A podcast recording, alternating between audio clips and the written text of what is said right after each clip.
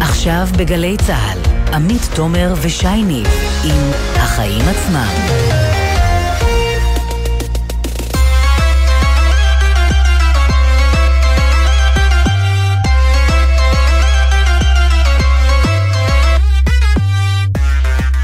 עכשיו שש וארבע דקות, אתם על החיים עצמם, התוכנית הכלכלית-חברתית של אה, גלי צה"ל, והערב מהפך. היה אמור להיות כאן אה, סמי פרץ כמדי יום שני, אבל הוא uh, קצת uh, חולה, ואנחנו uh, נאחל לו רק בריאות, ונגיד uh, שלום לשי ניב, שנקרא לדגל. שלום שי. שלום, שלום. מה שלומך? בריא, זה העיקר, את יודעת, אני בדקת קריאה. יפה, יפה. בראש התוכנית, עמית, שלנו היום, עסקת החבילה במשק. אתמול היא אושרה אה, בוועדת שרים לענייני אה, חקיקה, ולכאורה התיימרה להיטיב גם עם העובדים וגם עם המעסיקים. אבל לא כולם מרוצים ממנה, וזה לא שאין סיבות טובות, כן? בשעה זאת ממש מתקיימת הפגנה מול הכנסת בדרישה להעלות את שכר המינימום עוד יותר. נביא את כל העדכונים משם. ולא רק מחוץ למשכן זה קורה, גם ממש בתוך הבית, בקואליציה שהם מתנגדים לתוכנית הזאתי, מה שמעמיד אותה בסכנה. אפרת רייטן, יושבת ראש ועדת העבודה, שלפתחה תגיע התוכנית לאישור סופי, תהיה איתנו, אחרי שבמפלגת העבודה שבה היא חברה הודיעו שככה, הם לא ייתנו למהלך הזה לעבור. ומהצד השני נדבר עם רון מלכה, מנכ"ל משרד הכלכלה, מיוזמי התוכנית הזאת, עליה, על יוקר המחיה, וגם על תזכיר החוק החדש שאמור לרסן את כוחם של היבואנים הרשמיים, הגדולים, ולעורר תחרות בתחום. מה הסיכוי שזה יצליח? את זה אנחנו נבדוק עם בני מלול, יבואן מקביל, שיספר שמדובר בצעד בכיוון הנכון, אבל הדרך עוד ארוכה. כן, נקפוץ גם לגבול רוסיה ואוקראינה, וננסה להבין איך המתיחות שם משפיעה על הכיס שלנו, כן? ועלולה אפילו להפוך לנימוק הבא סביב עוד גל התייקרויות בשוק המזון. ונארח את הזמרת מירי אלוני, שאחרי שנותרה ללא קורת גג ובקשותיה לדיור ציבורי לא השיגו תוצאות, זכתה היום לבשורות טובות, משען תעניק לה דירה לכל החיים, אבל האם זאת לא תפקידה של המדינה? נדבר איתה על זה, אבל קודם כל, שי, מה הכותרת שלך? כן, טוב, הכותרת שלי מתחבאת איפשהו בתחתית העמוד השמיני בכלכליסט, שם מפר, מפרסמים נתונים של המוסד לביטוח לאומי שצריכים להדיר שינה, לא פחות. לפי הנתונים, שימי לב, עמית, חוסר mm-hmm. הביטחון התזונתי במגזר הערבי גבוה פי 2.7 מאשר בציבור החרדי, ופי 4 ביחס לציבור היהודי הלא חרדי. רק אה, בדיוק, כדי לסבר את האוזן, מעל 42% מהמשפחות במגזר הערבי סובלות מחוסר ביטחון תזונתי, שזו אה, מילה נקייה יותר לרעב או לסממנים של רעב, לעומת 11% במגזר היהודי. עכשיו, את יודעת שביישובים חלשים מאוד מבחינה סוציו-אקונומית מופעלים בבתי הספר מפעלי הזנה, כלומר, ממש מתכונת של יום לימודים ארוך עם ארוחות צהריים, אה, ארוחת נכון. צהריים חמה. אבל מהנתונים של ביטוח לאומי עולה שרק שליש מתוך 400 אלף התלמידים שנהנים ממפעלי הזנה הם ערבים. איך זה יכול להיות? אז זהו, תראי. אני, כל זה ככה אני מחבר לכותרת אחרת בכלל, שמביאה מירב ארלוזורוב מדה-מרקר. היא ראיינה היום את האחראית על תחום החקלאות בארגון ה-OECD, שאמרה לה דבר מעניין. ישראל דואגת היום למחירים של החקלאים, במקום למחירים של הצרכנים ושל השכבות החלשות במיוחד. אם תוציאו לפועל את הרפורמה בחקלאות, היא אומרת, תוזילו את המחירים של הפירות והירקות ב-20%, וזאת תהיה בשורה לחלשים. הבעיה היא האמית, וזה גם קשור לתוכנית של הממשלה בעניין יוקר המחיה, התחושה היא שעל החלשים באמת פחות מסתכלים. נכון, וזה לא עונה על השאלה המדאיגה שהצפת פה. האם יש אנשים שרעבים ללחם, לאוכל, ולא מקבלים אותו? כנראה שכן. מה הכותרת שלך? אז אה, כן, גם אה, אני מדברת על אה, אנשים שלא שפר עליהם המצב הכלכלי, אבל מסוג אחר. אם אתה, לא עלינו, חייב כסף, כל כך הרבה כסף שהגעת למצב שאין לך ברירה אלא להכריז על פשיטת רגל, יכול מאוד להיות שתצטרך מעכשיו לעבור הכשרה כלכלית. זאת טיוטת התקנות עליה חתם שר המשפטים גדעון סער היום, אבל האמת היא שזאת לא המצאה שלו, המהלך הזה היה אמור להיכנס לתוקף כבר יותר, לפני יותר משנתיים, אז עבר חוק חדלות הפירעון ששינה את הגישה לגבי אה, חייבים, כאלו שלא הגיעו למצב הזה בגלל רמאות, אלא בגלל התנהלות כללית, אה, כלכלית קלוקלת אך תמימה, ככה שבמקום להעניש אותם יפעלו לשקם אותם ולהוביל אותם להסדרים עם הנושים. כבר אז הרעיון היה שמי שמגיע למצב כזה יצטרך להשתתף בשיעורים שיועברו בלשכת ההוצאה לפועל, במטרה שלא יגיעו למצב הזה שוב, כי זה כמובן פוגע לא רק בחייב, אלא גם בכל מעגל האנשים שילוו לו כספים. ברור. רק שזה נשאר על הנייר, לא הפך לתקנות לעולם, וככה ההכשרות הוצעו רק באופן וולונטרי. עכשיו זה יהפוך לחובה, ובעיניי זה צעד בכיוון נכון, כי יש טענות, ודי בצדק, שהחוק הזה הפך את ישראל לגן עדן לחייבים, ולראיה חל זינוק במספר פושטי הרגל מאז.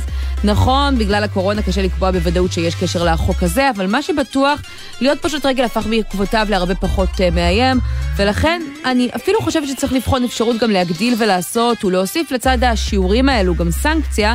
מי שיקלע לפשיטת רגל אחרי שקיבל את כל העזרה מהמדינה פעם שנייה, אולי הגיע הזמן שכן ייענש, אבל קודם כל שהמדינה... שישלם אותו. כן, אתה יודע, בסופו של דבר צריך לעשות גם התוצאות אה, שלנו, אבל קודם כל שהמדינה תתחיל לעזור ולתת את כל הכלים, נקווה שזה מה שיקרה עכשיו. מתחילים? יאללה.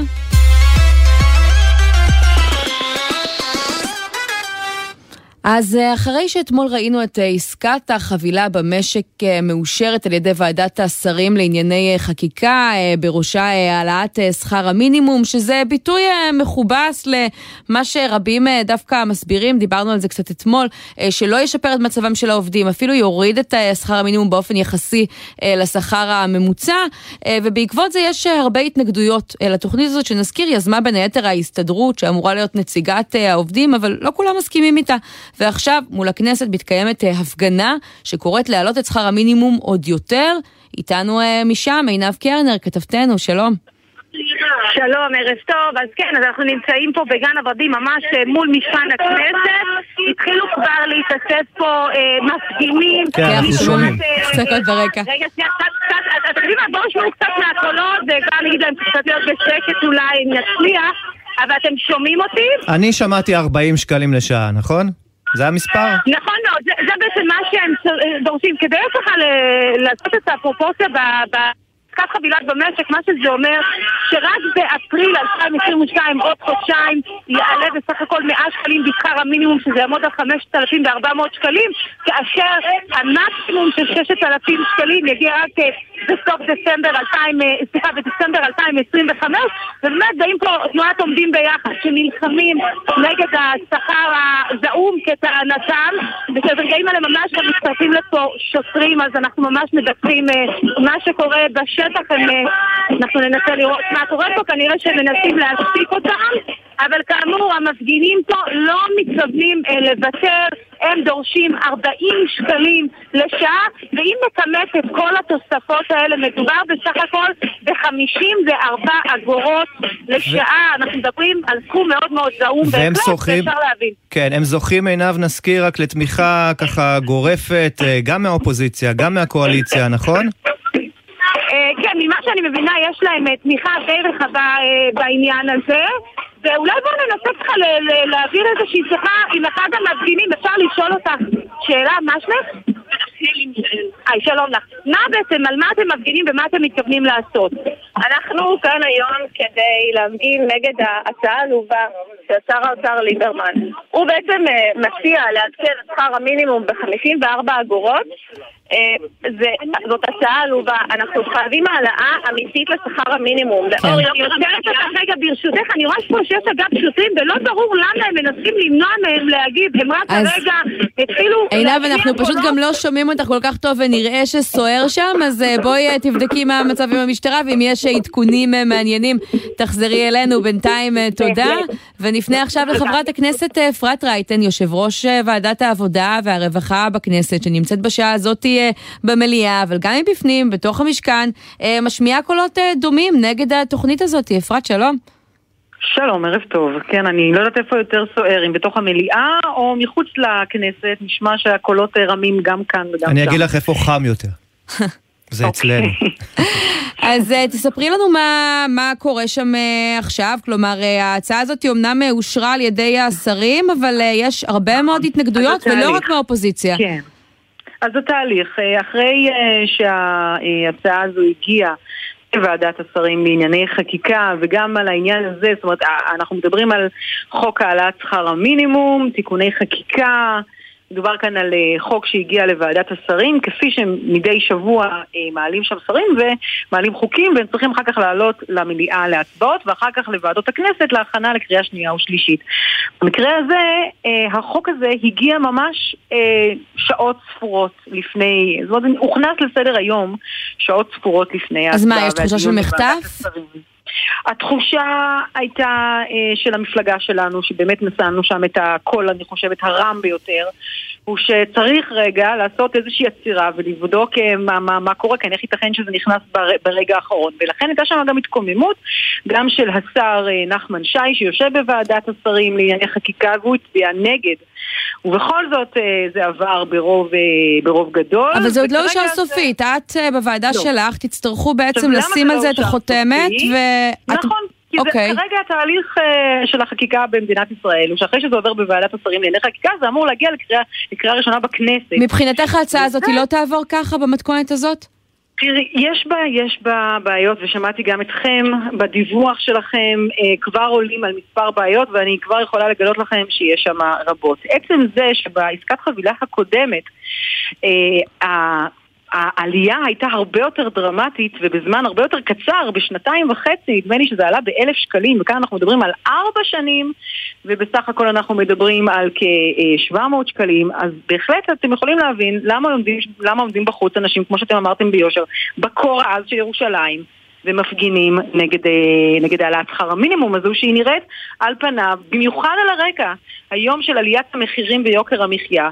מסתכלים על 100 שקלים האלה שאמורים לעלות באפריל הקרוב, אתם אומרים מה זה? זה לעג לרש. וככל שיעברו גם השנים, בארבע שנים הקרובות, תהיה שחיקה ככל הנראה בגלל האינפלציה ובגלל סיבות אחרות. אז זהו, אז אפרופו שחיקה, את יודעת, את? דיברת בה אתמול אה, ככה בצורה די מתונה אה, אה, בטוויטר, על זה שכשהנושא יגיע לוועדה, תעסקו בין היתר בוודאות שהעסקה הזו ככה נכון, מאפשרת. יש בזה, בהחלט. אני חושבת שיש בזה הרבה מאוד דברים חיוביים. לשבת, בעצם כינוס כל המגזרים, ההסתדרות, זאת אומרת הארגון של העובדים, ארגון המעסיקים ומשרד האוצר סביב שולחן אחד.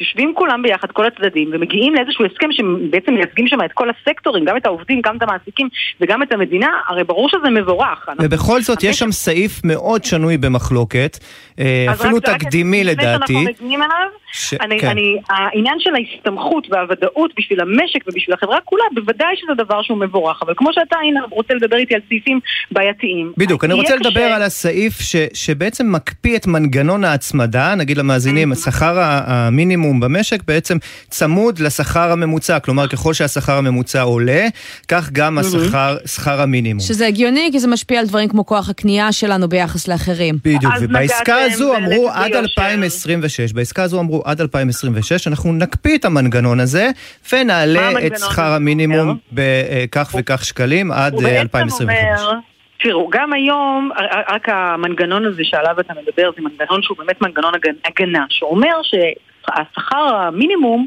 תמיד לא יכול להיות פחות מ-47.5% מהשכר הממוצע במשק. וזה טוב שיש לנו מעין רצפה כזאת.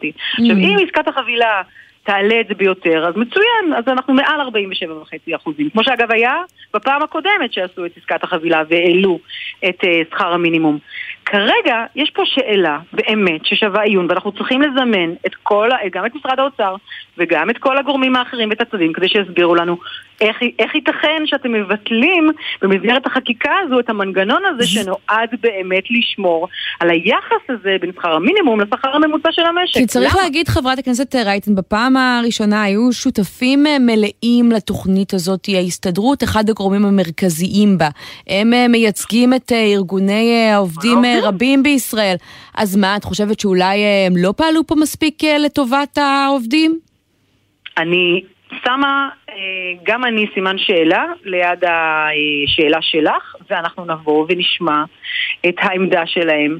מצד אחד מעלים כאן אבל אני 6,000 תוהה מה יכול להיות. האינטרס. כלומר, הם אז את מייצגים את העובדים. יכולה לראיין או להמתין או לראיין את יושב ראש ההסתדרות או שאת תראי את הדיונים, הם יהיו די- דיונים אה, ציבוריים ופומביים ומשודרים ותוכלי לשמוע את זה בעצמך ממקור ראשון כשאנחנו נזמן את כל הצדדים לוועדה באמת בשביל לשמוע, כי יש פה מספר אלמנטים אה, בעסקת החבילה הזו, שזה מצד אחד השעיית העדכון האוטומטי הזה, בדיוק כמו שאתם דיברתם, ניוד של שעות, ככה שבעצם אם את עובדת במהלך היום מעל לשעות ואז את היית יכולה לקבל שעות נוספות, אז מבטלים את זה ככה, הופכים, הופכים את זה למין ניוד של חודש.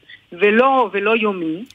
ויש כמובן עוד צמצום, מה שאנחנו רוצים לעשות זה לצמצם את הפריסה של עליית שכר המינימום, כדי שאפשר יהיה לקצר את הזמנים ולעלות. כי 6,000 שקלים, mm. אגב, זה מבורך.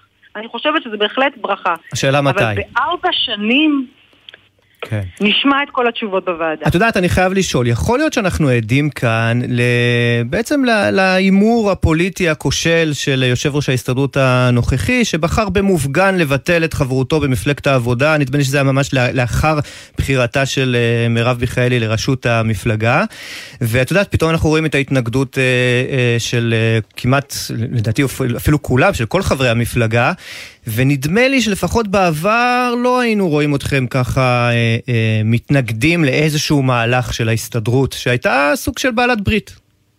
אני חושבת שהקשר שאתה עושה הוא לא הקשר הפוליטי, אלא יותר הקשר המהותי.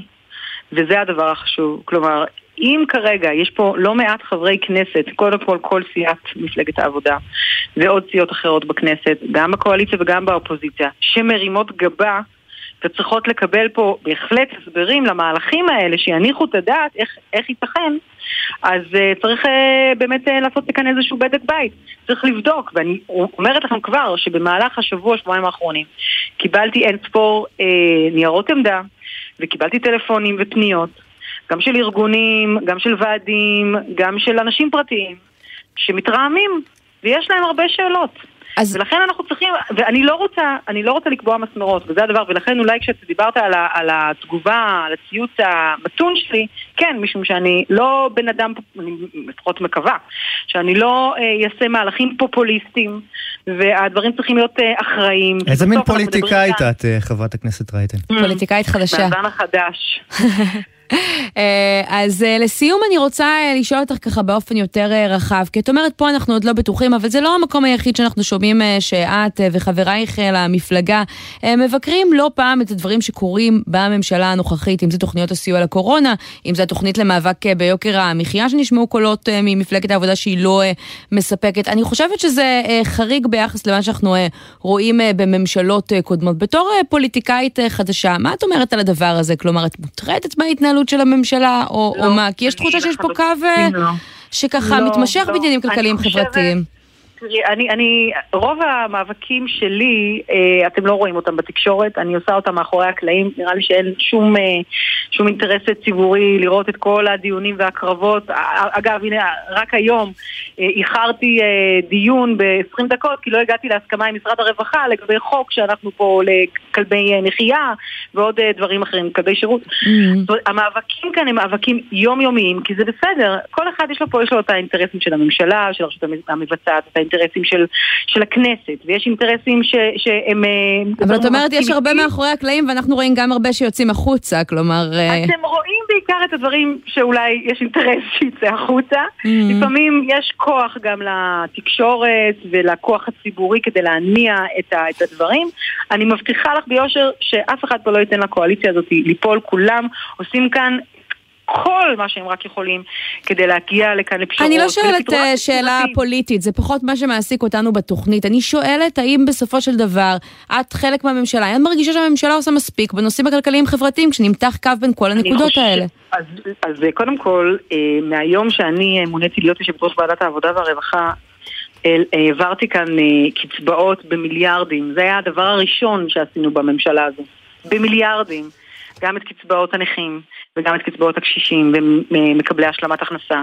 העלינו כאן את החד-הוריות, את ניצולי השואה, mm. במיליארדים, אני אומרת לך, וגם הסכומים שהגיעו אליי לאישור הוקצנו, הוגדלו, איך שלא תקראי לזה, בוועדת הכנסת ועברו שם עוד, עוד מתיחה. בקיצור, את אומרת רבים היה... רבים, אבל בסוף מבחינתך יש אה, תוצאות. הדוגמה האחרונה, שהנה, את יודעת, לא, לא, לא ראו את כל המשאים ומתנים והמאבקים הרבים ש, אה, שאני ניהלתי מול משרד האוצר, אבל אפילו בדמי בידוד לעצמאים, שעבר לפני כשבועיים שלושה, mm-hmm. זה היה חוק חדש שהגיע ממשרד, אה, ממשרד האוצר, הגיע אליי עם 430 שקלים דמי בידוד ליום. ויצא ממני עם כן. 570. טוב, חברת הכנסת אה, אפרת רייטן, יהיה מעניין לראות מה תעשי בסוגיה הזאת של אה, עסקת החבילה אה, במשק.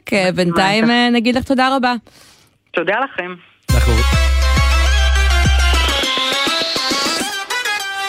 ועכשיו אנחנו רוצים לפנות לרון מלכה, מנכ"ל משרד הכלכלה, שאנחנו תופסים אותו באמצע ביקור בדובאי קודם כל, אבל נדבר איתו גם על כל העניינים הבוערים שהזכרנו קודם. שלום לך.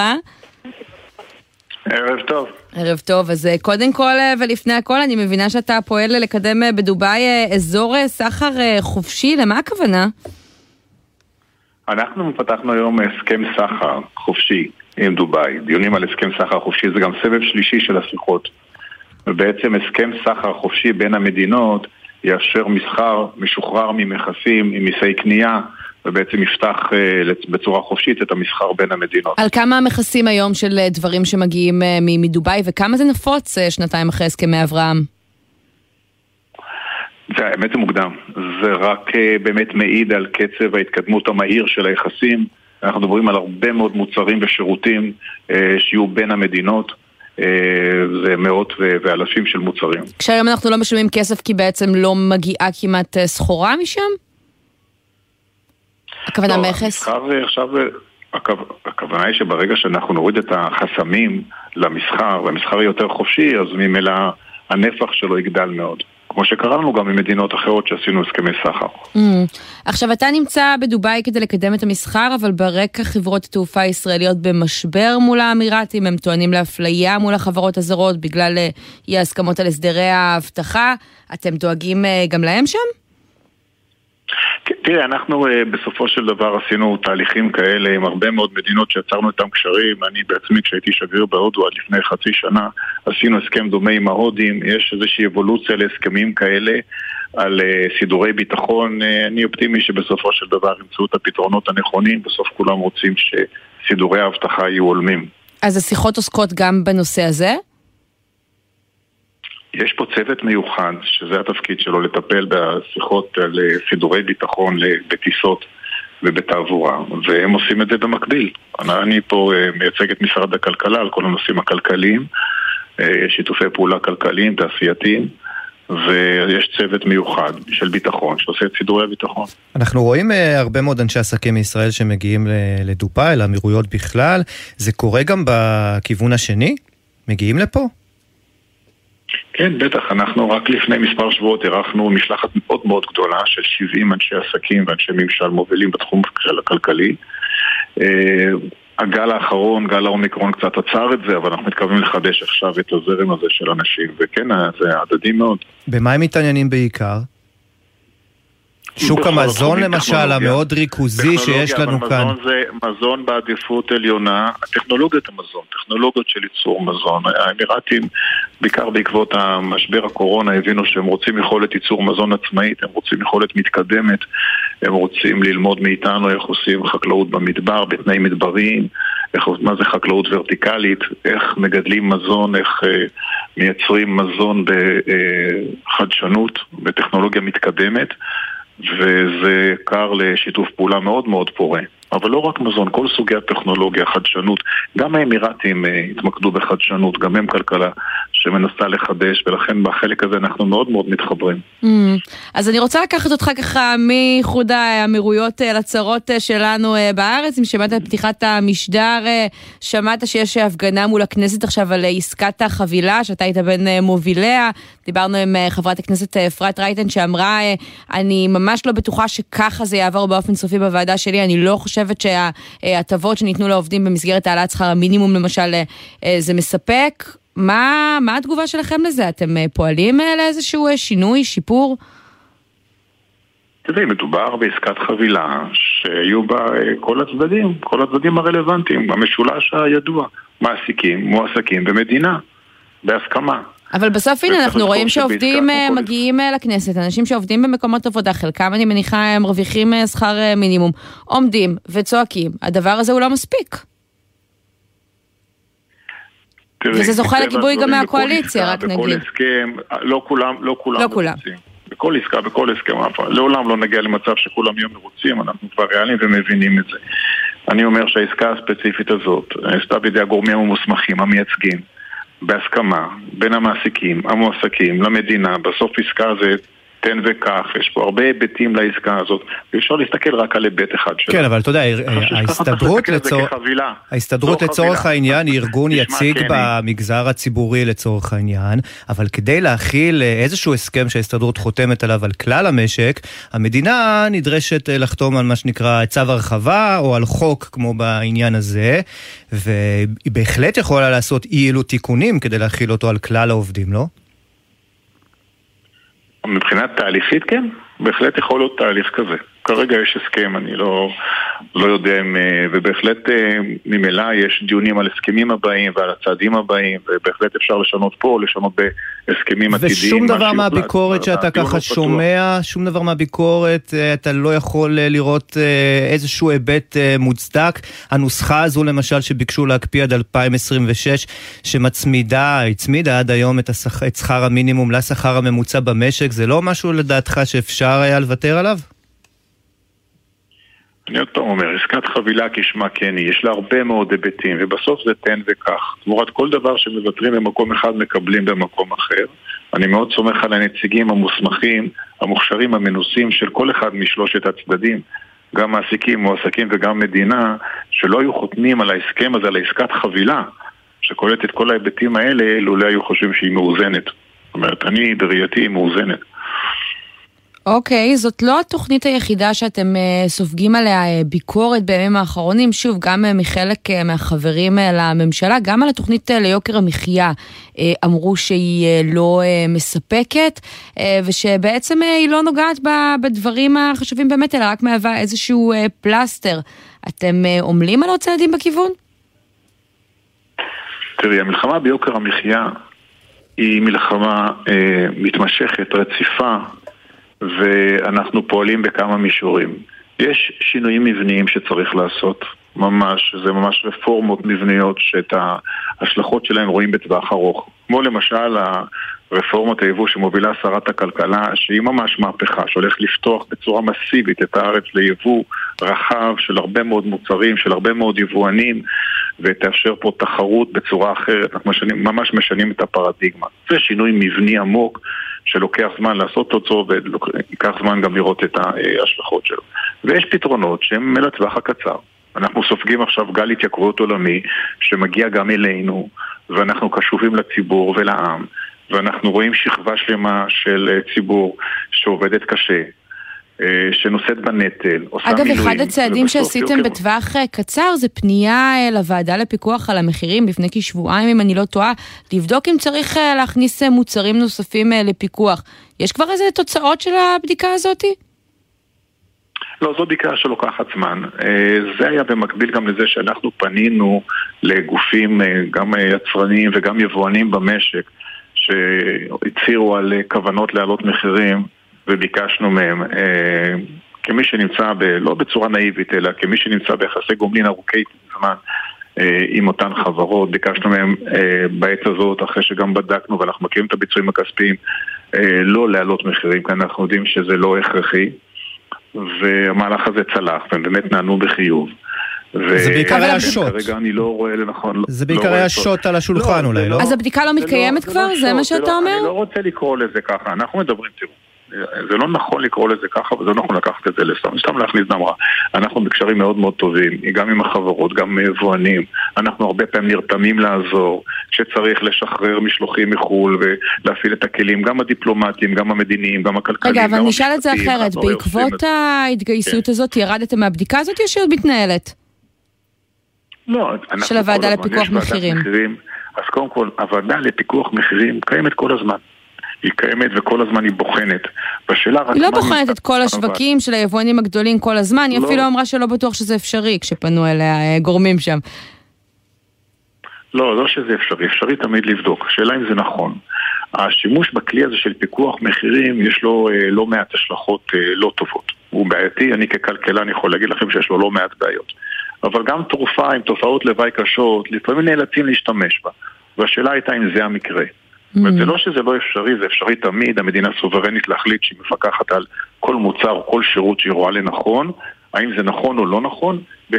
במצבים מסוימים זה נכון. אבל אם יש היענות ויש שיח פורה וטוב והדדי, אז uh, יכול להיות כן. שלא צריך אם לא מעלים את המחירים. אני אגיד לך לא למה אני שואלת אבל ספציפית על הוועדה הזאת, כי בעצם אתה מדבר על כן. העלייה במחירי התשומות, אה, ומוצרים שכן נמצאים בפיקוח היום, כמו הלחם, כמו החלב.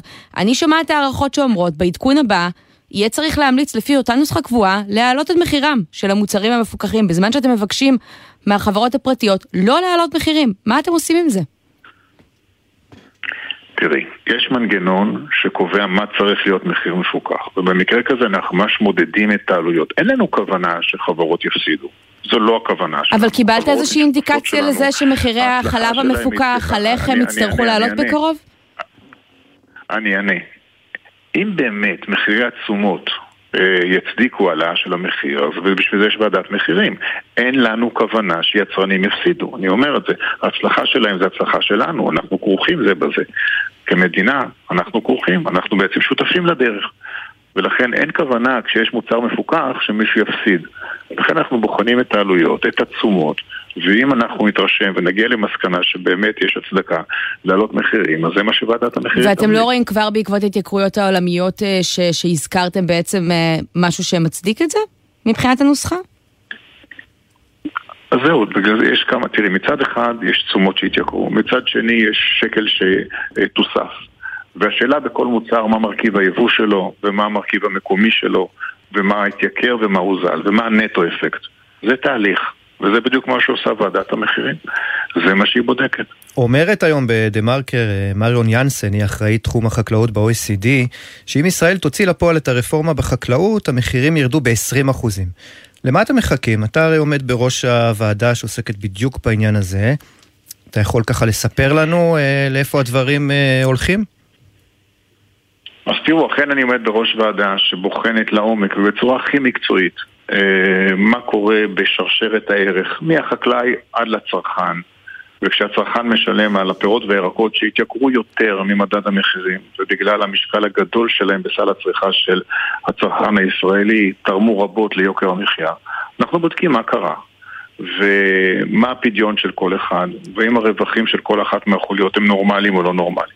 זה תהליך מורכב, הוא לא, הוא לא פשוט אנחנו עושים אותו בקפדנות יתרה, כי אנחנו מבינים שמדובר בענף מאוד מאוד חשוב, קריטי לנו. ענף החקלאות הוא ענף שכולם מבינים שצריך לשמור ולשמר במידה הראויה, ולכן חשוב מאוד שאנחנו כוועדה מקצועית נביא את הנתונים הכי הכי אמינים, הכי טובים למקבלי החלטות, כדי שיוכלו לקבל החלטה מושכלת ונכונה. וצודקים הדיווחים שדיברו על כך, צודקים הדיווחים שדיברו על כך שהחקלאים הם אלה שככה צפויים להיות אה, אלה שישלמו ברפורמה הזו?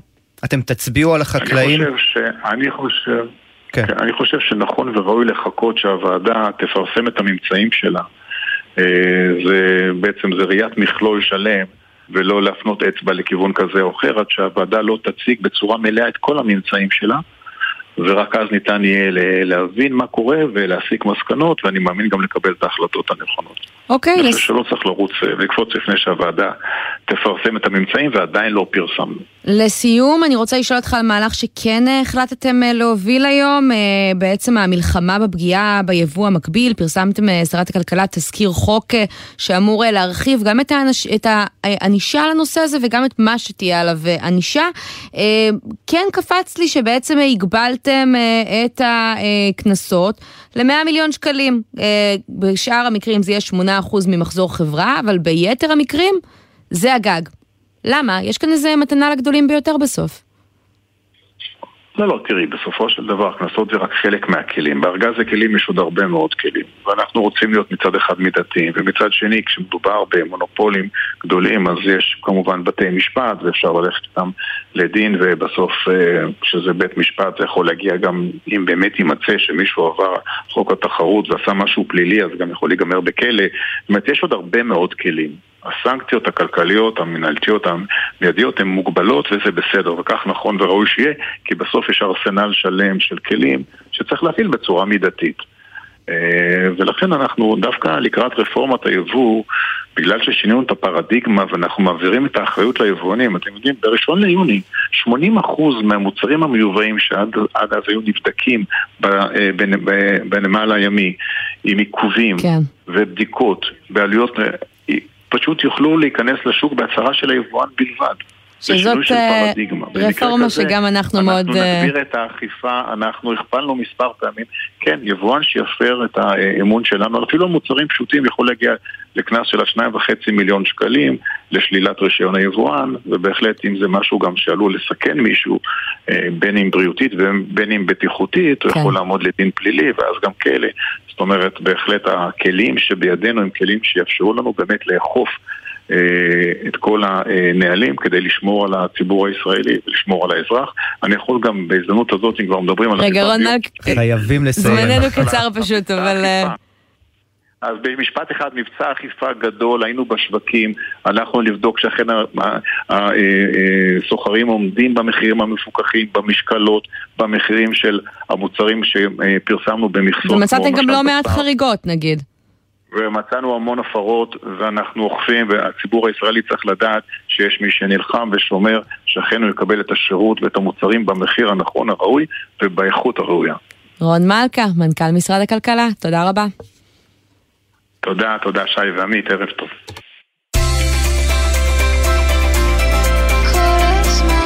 גלי צה"ל, יותר מ-70 שנות שידור ציבורי.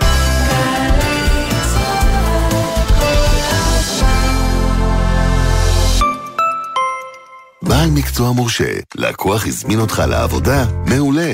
לפני שאתה מתחיל לעבוד, חובתך להציג את הרישיון שלך. היום זה דיגיטלי, לא עוד תעודות נייר. בכל רגע תוכל להציג את רישיונך בטלפון החכם. לצפייה בתעודה דיגיטלית במהירות ובקלות, תיכנס לאזור האישי, באתר gov.il. ואתם הלקוחות, דרשו לראות רישיון דיגיטלי בטלפון החכם, וודאו שהזמנתם בעל מקצוע מורשה. מוגש מטעם האגף הבכיר להסדרת עיסוקים בזרוע העבודה. עמיתי מועדון חבר, יונדאי מזמינה אתכם לפתוח את 2022 עם הדגמים החדשים, אלנטרה היברידית, סונת הטורבו, ועוד מגוון דגמים בהטבות ייחודיות ההטבות השמורות רק לכם. ימים אחרונים למבצע, רק עד 18 בפברואר. לפרטים, כוכבית 8241, או באתר מועדון חבר. זה הכל בשבילך. אוניברסיטת בר אילן, האוניברסיטה הצומחת בשלוש השנים האחרונות על פי נתוני המל"ג. מזמינה אתכם ליום פתוח כפול בזום. מתי? ביום שישי 18 בפברואר וביום ראשון 20 בפברואר. חפשו בגוגל יום פתוח כפול אוניברסיטת בר אילן. משפיעים על המחר היום. אנחנו באנו להשפיע, פיה, פיה, בר אילן. יש אנשים שנטחנים באיטיות, באדישות ובחוסר הצדק של הבירוקרטיה הישראלית. ויש מי שפונים ל"יהיה בסדר". אתם נמצאים בשטח ועושים את מה שמישהו אחר אמור לעשות ולא עושה. בזכות היעילות שלכם והחריצות שלכם. בלעדיכם היינו מחכים עוד שנתיים. טיק טק נפתרה הבעיה. אני ממש מודה לכם. טרטרו אתכם, נפנפו אתכם, פגעו בזכויותיכם, פנו ל"יהיה בסדר", ויש מצב שיהיה בסדר. ראשון עד רביעי, שלוש בצהריים, גלי צה"ל. עכשיו בגלי צה"ל. עמית תומר ושייני עם החיים עצמם. חזרנו, ואנחנו uh, נשארים עכשיו uh, בנושא שסיימנו איתו uh, לפני הג'ינגלים, וזה רפורמת היבוא המקביל. אנחנו רוצים לדבר עם מי שזה אמור להשפיע עליו, בני מלול, יבואן משקאות מקביל. שלום, בני. היי עמית, ערב טוב. ערב טוב. אז כשאתה קורא את המהלך הזה של משרד הכלכלה, אתה מברך או שזה ככה רק אה, צעד בדרך, אבל אה, יש עוד מה לעשות? האמת שאני מברך על כל דבר שעושים על מנת אה, להוזיל את יוקר המחיה ולהנגיש את המוצרים. אני מקווה שבאמת יעמדו במה שהם, במכתב שהם הוציאו ופרסמו, כי ביבוא מקביל יש בעיה מאוד מאוד קשה שהיבואנים הרשמיים עצמם בעצם חוסמים את היבואנים המקבילים. ביבוא שלהם. אז תן לנו הצצה ככה, איך זה נראה היום, לפני החוק הזה, שאולי ישנה את המצב. לצורך העניין שיבואן מקביל מביא סחורה מאחת ממדינות אירופה למשל, הוא מביא אותה לארץ, היבואן הרשמי אה, רואה את הסחורה שהיא מגיעה לארץ לחנויות, הוא מזהה בעצם אה, מאיזה מדינה זה הגיע ומי המפעל שהוציא את הסחורה, אה, ויוצר אה, לחץ דרך אה, אותו מפעל, שאותו יבואן רשמי לא יקבל את הסחורה שוב פעם. אם זה תאגידים, אז התאגיד מוציא מכתב לאותו מפעל שאסור לו למכור ושהוא לא יכול למכור אה, למדינת ישראל סחורה וחוסמים בעצם את האספקה ואז מה שקורה, אתה מחפש את הספק הבא. ומה, זה הכל, פעם זה, הכל, זה הכל אה, ניירת אה, משפטית וזה מספיק, או שיש גם לחצים אה, ככה בשטח, בסניפים, בבתי לא, הקפה? לא. יש לחצים, יש לחצים מאוד חזקים גם בשטח, הלחצים בשטח הם בעצם אה, אה, לחצים של החברות עצמם אה, על הלקוחות, שבעצם, אוקיי, קנית יבוא מקביל, אין בעיה. כשאתה תרצה מוצר שלא קיים ביבוא המקביל, אתה, אה, מה שנקרא, אה, תחטוף אצלנו, לא תקבל את ההנחות. נגיד, אני צריך, אם אני צריך ככה לדמיין את זה, אתה מביא הרי משקאות אה, לארץ. נכון. אם אני חברת אה, משקאות גדולה שככה אה, עובדת כאן, ואני פונה ל, אה, לאיזשהו אה, בית עסק, ואני ככה דואג להם למקרר גדול עם המשקאות שלי, ואתה הקטן, קצת יותר קשה לך לעשות עסקאות כאלה, נכון? נכון, א', קשה לנו, למרות שיש את חוק, המק... חוק המזון, שבעצם אוסר להתנות את המקררים ואת הציוד. מישהו אוכף את זה? מישהו אוכף את זה? לא. לא. לא רק שלא אוכפים את זה, אם תיכנס לרשתות הגדולות, אתה תראה שלצורך העניין מוצרי המשקאות הקלים אה, ביבוא מקביל כמעט ולא נמצאים אצלם. מהסיבה שהם מקבלים לחצים כאלה ואחרים, והם לא מוכרים, למרות שהמחיר הרבה יותר זול. אז בעצם, בני, אני לא רוצה להיות אה, פסימית, אבל אה, אתה אומר שכל הדברים האלה, למשל, אה, היום כבר בניגוד לחוק ועדיין קורים אה, בשטח, כי אף אחד לא טורח אה, לאכוף. למה שתזכיר החוק הזה ישנה משהו? אני מקווה שאחרי המכתב שהשרה אה, הוציאה, אה, שאנחנו נפנה, יהיה בעצם לאנשי משרדה אה, רצון, וגם לממונה, ויהיה רצון ויהיה אה, יכולת, אה, לבוא דין וחשבון עם אותם אה, ספקים שבעצם אה, חוסמים אותנו. והיום, כשאתם פונים למכור. אה, ומדווחים, בוא נשאל ככה, מתי בפעם האחרונה פנית למשרד הכלכלה עם איזושהי אה, בעיה שהתעוררה ביבוא המקביל שלך, ואיך היא טופלה? אני יכול אה, לתת דוגמה בבעיה שפנינו לגבי אה, אה, כשרות של מוצר שביקשנו, Mm. ועבר כבר כמה חודשים עד היום ועדיין לא ראינו שום אה, תקנה.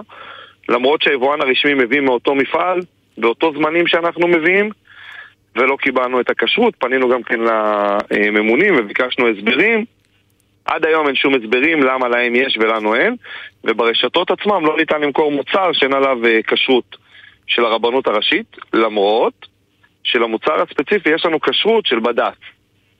מבחינתך אה, זה לא מובן מאליו לדבר איתנו כאן ככה אה, בשם מלא, ברדיו, בשידור חי, נכון?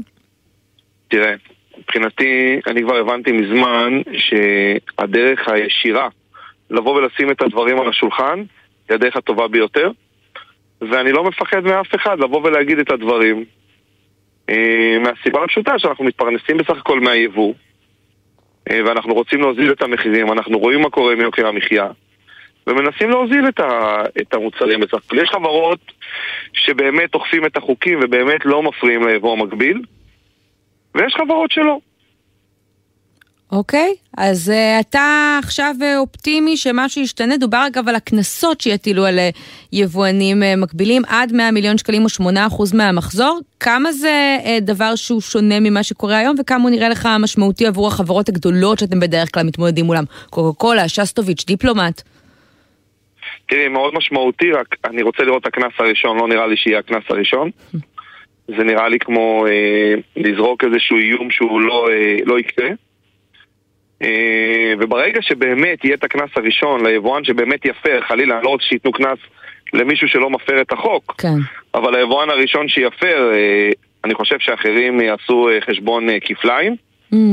אבל אה, זה לוקח המון זמן, ובעצם אנחנו לא רואים תוצאות בשטח של איזשהו יבואן, שיבואן רשמי שבעצם עלה כבר, אה, מה שנקרא, אה, וקיבל קנס, או אה, הממונה הטיל עליו איזה שהם עיצומים כאלה או אחרים. כן. יש אז... אה, לצורך העניין גם סחורות שמגיעים לארץ, והיבואנים הרשמיים טוענים אה, למקוריות של הסחורה. והסחורה הזאת עומדת בבדיקות, mm, תהליך שלוקח מספר חודשים, ואחרי זה נמצא שהסחורה הזאת אמיתית ותקינה, כן. ואז היא משוחררת למכירה, והיבואן הרשמי לא נושא בשום קנס משמעותי על זה שהוא עיכב ליבואן המקביל את הסחורה שישבה מספר חודשים אה, במחסני הערובה ועלתה הון תועפות של אחסנות ובעצם אה, נמכרה, ב, אה, נמכרה בסופו של דבר בהפסד. כי אם אתה מחשב את ימי האחסנה ואת המימון ואת המכירה, זה נמכר בסוף בהפסד. לא, עדיין לא ראיתי שום יבואן רשמי שקיבל קנס על זה שבסוף הסחורה הוכחה כסחורה מקורית. בני מלול, אז אנחנו נמשיך אה, ונעקוב ונקווה שהמצב ישתפר, ואם לא, אתה תתריע בפנינו. תודה רבה לך. כן. תודה. תודה רבה.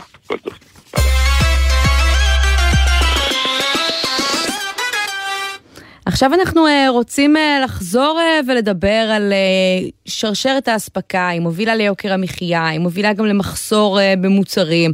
אז אנחנו פה בישראל חשבנו שמחסור בנייר טואלט זה כבר פסה, אבל מסתבר שבאוסטרליה אווירת הסגר הראשון חזרה לאופנה. כבר שבועות שהמדפים במרכולי העיר פרט שבמערב היבשת מתרוקנים, והתושבים נותרים חסרי אונים. כתבנו תל שנהב בדק מה בדיוק הסיבה, הנה הכתבה. הרחק הרחק, בקצה המערבי של אוסטרליה המדברית, שוכנת לה העיר המבודדת, פרת. החיבור העיקרי שלה לשאר היבשת הוא מסילות הרכבת הארוכות. אבל מה קורה כשמבול שלא נראה כמותו כבר 200 שנה, מציף את הגישה היחידה לעיר? Good evening. WA is facing its worst supply chain crisis in decades. Hardly any freight is coming in, leaving supermarket shelves bare. Freight flooding has cut off 80% of our critical supplies. אספקת המזון מגיעה לאזור ברכבות ענק ממזרח אוסטרליה. ולפני שלושה שבועות ירד מבול ששטף 30 גשרי מסילות רכבת שאחראיות על אספקת 90% מהסחורות לעיר ומחברות בין מזרח ומערב היבשת. לכן כבר כמה שבועות רכבות אינן מגיעות לפרף וסביבתה, והמצב עשוי להימשך מספר חודשים. המשמעות היא אחת, המדפים במרכולים מתרוקנים. דיאנה, שיצאה לקנות במרכול בעיר, סיפרה לנו על תבהלת התושבים. We have a lot huge drop in um, just frozen food and toilet paper and a lot of people are panic buying and um, have a lot of fear so there's not enough stock for everyone. יש לנו מחסור עמוק במזון קפוא ואף בנייר טואלט למשל. המון אנשים לחוצים ומפוחדים. אין די סחורה לכולם, אומרת דיאנה. אז אין רכבות, אבל זה עדיין לא מסביר למה לא מגיעה אספקה ממזרח היבשת, במשאיות ובמטוסים. בדיוק כאן נכנסת התמונה הקורונה, והמדיניות המחמירה של אוסטרליה, כפי שמסביר לנו רב הקהילה היהודית המקומית, דן ליברמן. The state is locked up because of COVID. No one's allowed in without quarantine, so the truckers, it's very hard for them to bring in freight as well. בגלל הקורונה, אף אחד לא רשאי להיכנס למדינת מערב אוסטרליה ללא בידוד, לכן גם לנהגי משאיות קשה לצאת ולהיכנס. גם מוטי, ישראלי המתגורר בעיר, שיתף אותנו במחסור במדפים. בשלושה שבועות האחרונים, כשאני מגיע לסופר, אני רואה המון מדפים ריקים של מוצרים בסיסיים, כמו ביצים, נייר טואלט, ירקות קפואים, ועליהם יש שלט שמגביל את מספר המצרכים שאפשר לקנות בקנייה אחת. זה בשר כשר, זה ירקות קפואים, זה לא מותרות. עבור הקהילה היהודית בעיר מדובר בבעיה קשה אפילו יותר, כשהמחסור בבשר אדום כשר פוגע באורח החיים היהודי.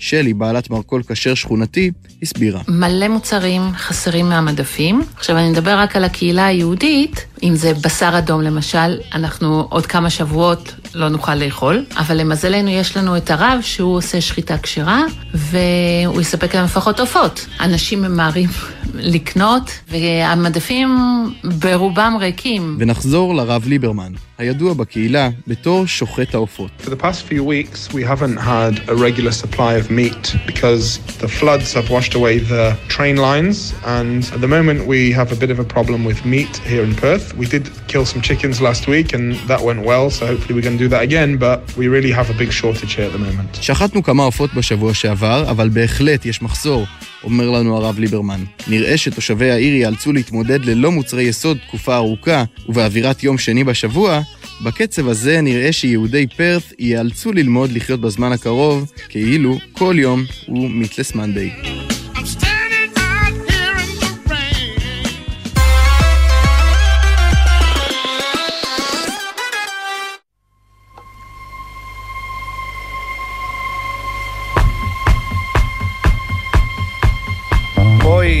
בואי, נראה אם את מזהה את השיר הזה, עמית.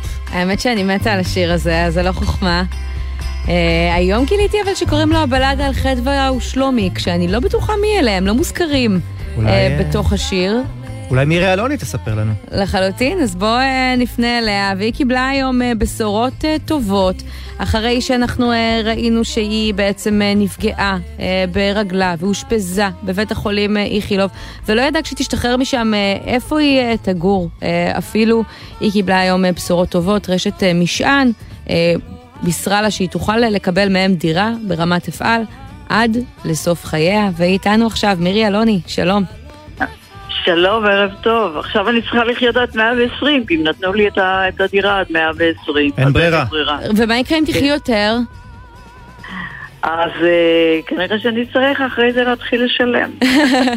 נאחל לך חיים ארוכים, ואם זה יקרה, יהיה לך הרבה זמן אה, לחסוך. אה, אבל בואי ככה תספרי לנו אה, בעצם אה, איך הגעת למצב כזה, כי את לא פנית ישר לרשת משעה, את ניסית לפנות למדינה שתעזור לך, נכון? נכון, נכון, הגשתי בקשות לדיור ציבורי ו...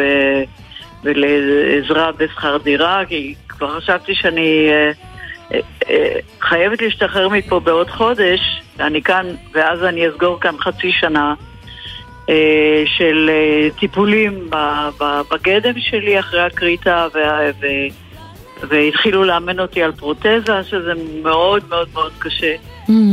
אה, והדאגה הכי גדולה שלי זה הייתה לאן, לאן אני אלך, כי לבית הקודם שחייתי בו, שזו הייתה דירה שכורה, אה, לא... אה, נאלצת לא לפנות אותה? אפשרות ל- פיניתי אותה ויש שם 28 מדרגות שאני לא יכולה לטפס, אני חייבת בדירה מונגשת, מה שנקרא, שמתאימה לכיסא גלגלים. אז מה, אז את פשוט, פתאום אה, אנחנו ככה נרוץ קצת קדימה, את מקבלת עכשיו טלפון מהמנכ"ל של הרשת, והוא אומר, מה, יש, לה, יש לנו בית בשבילך? אה, אבי, אבי שושן, איש אה, הדובר של בית. החולים, כן, הושיב אותי כאן באחד האולמות, ואמר לי, יש לך אורח, ונכנס אה, אדם שהציג את עצמו, עמרי כהן, שהוא המנכ"ל של אה, כל אה, אה, בתי הדיור של, אה, הדיורים המוגנים של משען, שהודיע לי שהוא נותן, שהוא, ש, שהם נותנים לי, שהוא החליט שהם ייתנו לי אה, דירה עד 120, ד- דירה מונגשת, כמובן אה, דירה של דיור מוגן, זה לא... אה, כן, ברור. דירה אבל תאמרי לי, מצידך מה את אה, נותנת בחזרה, אם לקרוא לזה כך? יש תשמע, איזה קודם קמפיין, את תהיי אני- הפרזנטורית אולי של הרשת? אה, האמת היא שעד עכשיו, אה, שראיתי את המשדרים שלהם עם, אה, עם ליה קניג ועם אה, מרים זוהר, אמרתי, למה הם לא לוקחים אותי? אז הנה, עכשיו כן, עכשיו, הוא, הוא כבר אה, סגר איתי אה, שאני אשיר להם ואני אופיע להם, והם לא הצטערו. אוקיי, אני- נראה לי יפה. שהם לא אז- הצטערו. אז נשמע יש- שאת כבר מוכנה לתפקיד. אז יש פה ווין ווין לשני הצדדים. כן, אה, אה, אתם משמיעים את השיר הראשון שהקלטתי כשהשתחררתי מלהקת הנחל, והפזמון של, אה, של יונתן גפן אומר ללכת אל, ללכת מ... הוא מדבר על ללכת, ללכת, אז ללכת אני כבר לא יכולה, אבל אה, אני, אחרי האימונים שמאמנים אותי כאן, אה, המאמנת שלי, הפיזיותרפיסטית שלי, אילנית, שעובדת איתי קשה מאוד על הפרוטזה כן. אה, הפרוטזה שהיא... לפחות תוכלי להמשיך הלאה, גם אם לא בהליכה פיזית. כן, אז אני אה, אלך, כן. אלך, אבל עם פרוטזה. מירי אלוני, אנחנו חייבים לסיים כדי שנוכל לשמוע כמה צלילים מהשיר היפה הזה, אבל תודה רבה, והרבה המון בהצלחה. בריאות, ובריאות. ובאמת עד 120, תודה רבה. ויותר מזה. אז נגיד תודה לעורך שלנו, אלעזר סלוצקי, שערך את השידור הזה, נמרוד קהלני, יפעת גלר ועשאל פלד הפיקו, על הביצוע הטכני היו גלעד בלום ורוני וייטנברג, ובדיגיטל, יולי אמיר, זאת מירי אלוני. ואת עמית תומר, תודה ואתה לך. שי ניב, תודה. בחסות מועדון הצרכנות הוט, המציע להנדסאים, למהנדסים ולבוגרי מדעי המחשב לפתוח חשבון בבנק לאומי ולקבל מענק כספי, פטור מעמלות ועוד. לפרטים כוכבית 5521, כפוף לתנאי הבנק. בחסות מחסני חשמל, המעניקה על כל קנייה, התקנה והגדלות חינם של מחשבים, קונסולות משחק וטלפונים ניידים. במחסני חשמל. בחסות חברת לבנת פורן, המציעה סיוע של צוות רופאים ומומחים גם בתהליך קבלת פטור ממס הכנסה. כוכבית 2468.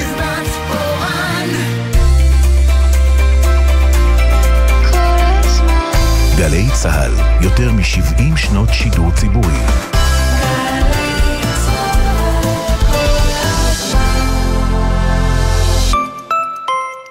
אמא, אבא, הורים לפעוטות? זה הזמן להירשם בקליק אחד למעונות היום המסובסדים על ידי זרוע העבודה. גם השנה אנו ממשיכים לייעל למענכם ההורים את תהליך הרישום, והוא מקוון, פשוט ויעיל. בלי לצאת מהבית, בלי לבזבז זמן. פשוט נכנסים לאתר ורושמים את הקטנטנים למסגרות המסובסדות שלנו באופן מקוון ונגיש. חפשו ברשת רישום למעונות היום המסובסדים. מהרו והבטיחו לילדיכם מקום בקליק. ההרשמה תסתיים ב-24 בפברואר. מגישה זרוע העבודה. מתאהבים בירושלים. אתם מוזמנים לסוף שבוע של רומנטיקה ואהבה בירושלים עם הפסיכולוגים יעל דורון ודני פרידלנדר, סיון רהב וידידיה מאיר בשיחה על תקשורת, משפחה ואהבה. היוצר אלירן מלכה במפגש עם קובי אריאלי. עדן הראל ועודד מנשה במופע זוגי, ועוד מגוון אירועי תרבות למזמינים חבילות לינה בחודשים פברואר ומרס בירושלים. עוד פרטים באתר iTravelJerusalem.com להתרגש בחורף הירושלמי.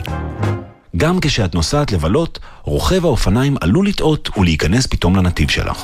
עשרה כמה שפחות זה פי שניים סיכוי לחיות. בייחוד בתוך העיר, סעו לאט יותר. לא מתים מזה, כי כולנו יחד מחויבים לאנשים שבדרך. לפרטים נוספים חפשו אסק רלב"ד. מיד אחרי החדשות, איתי זילבר.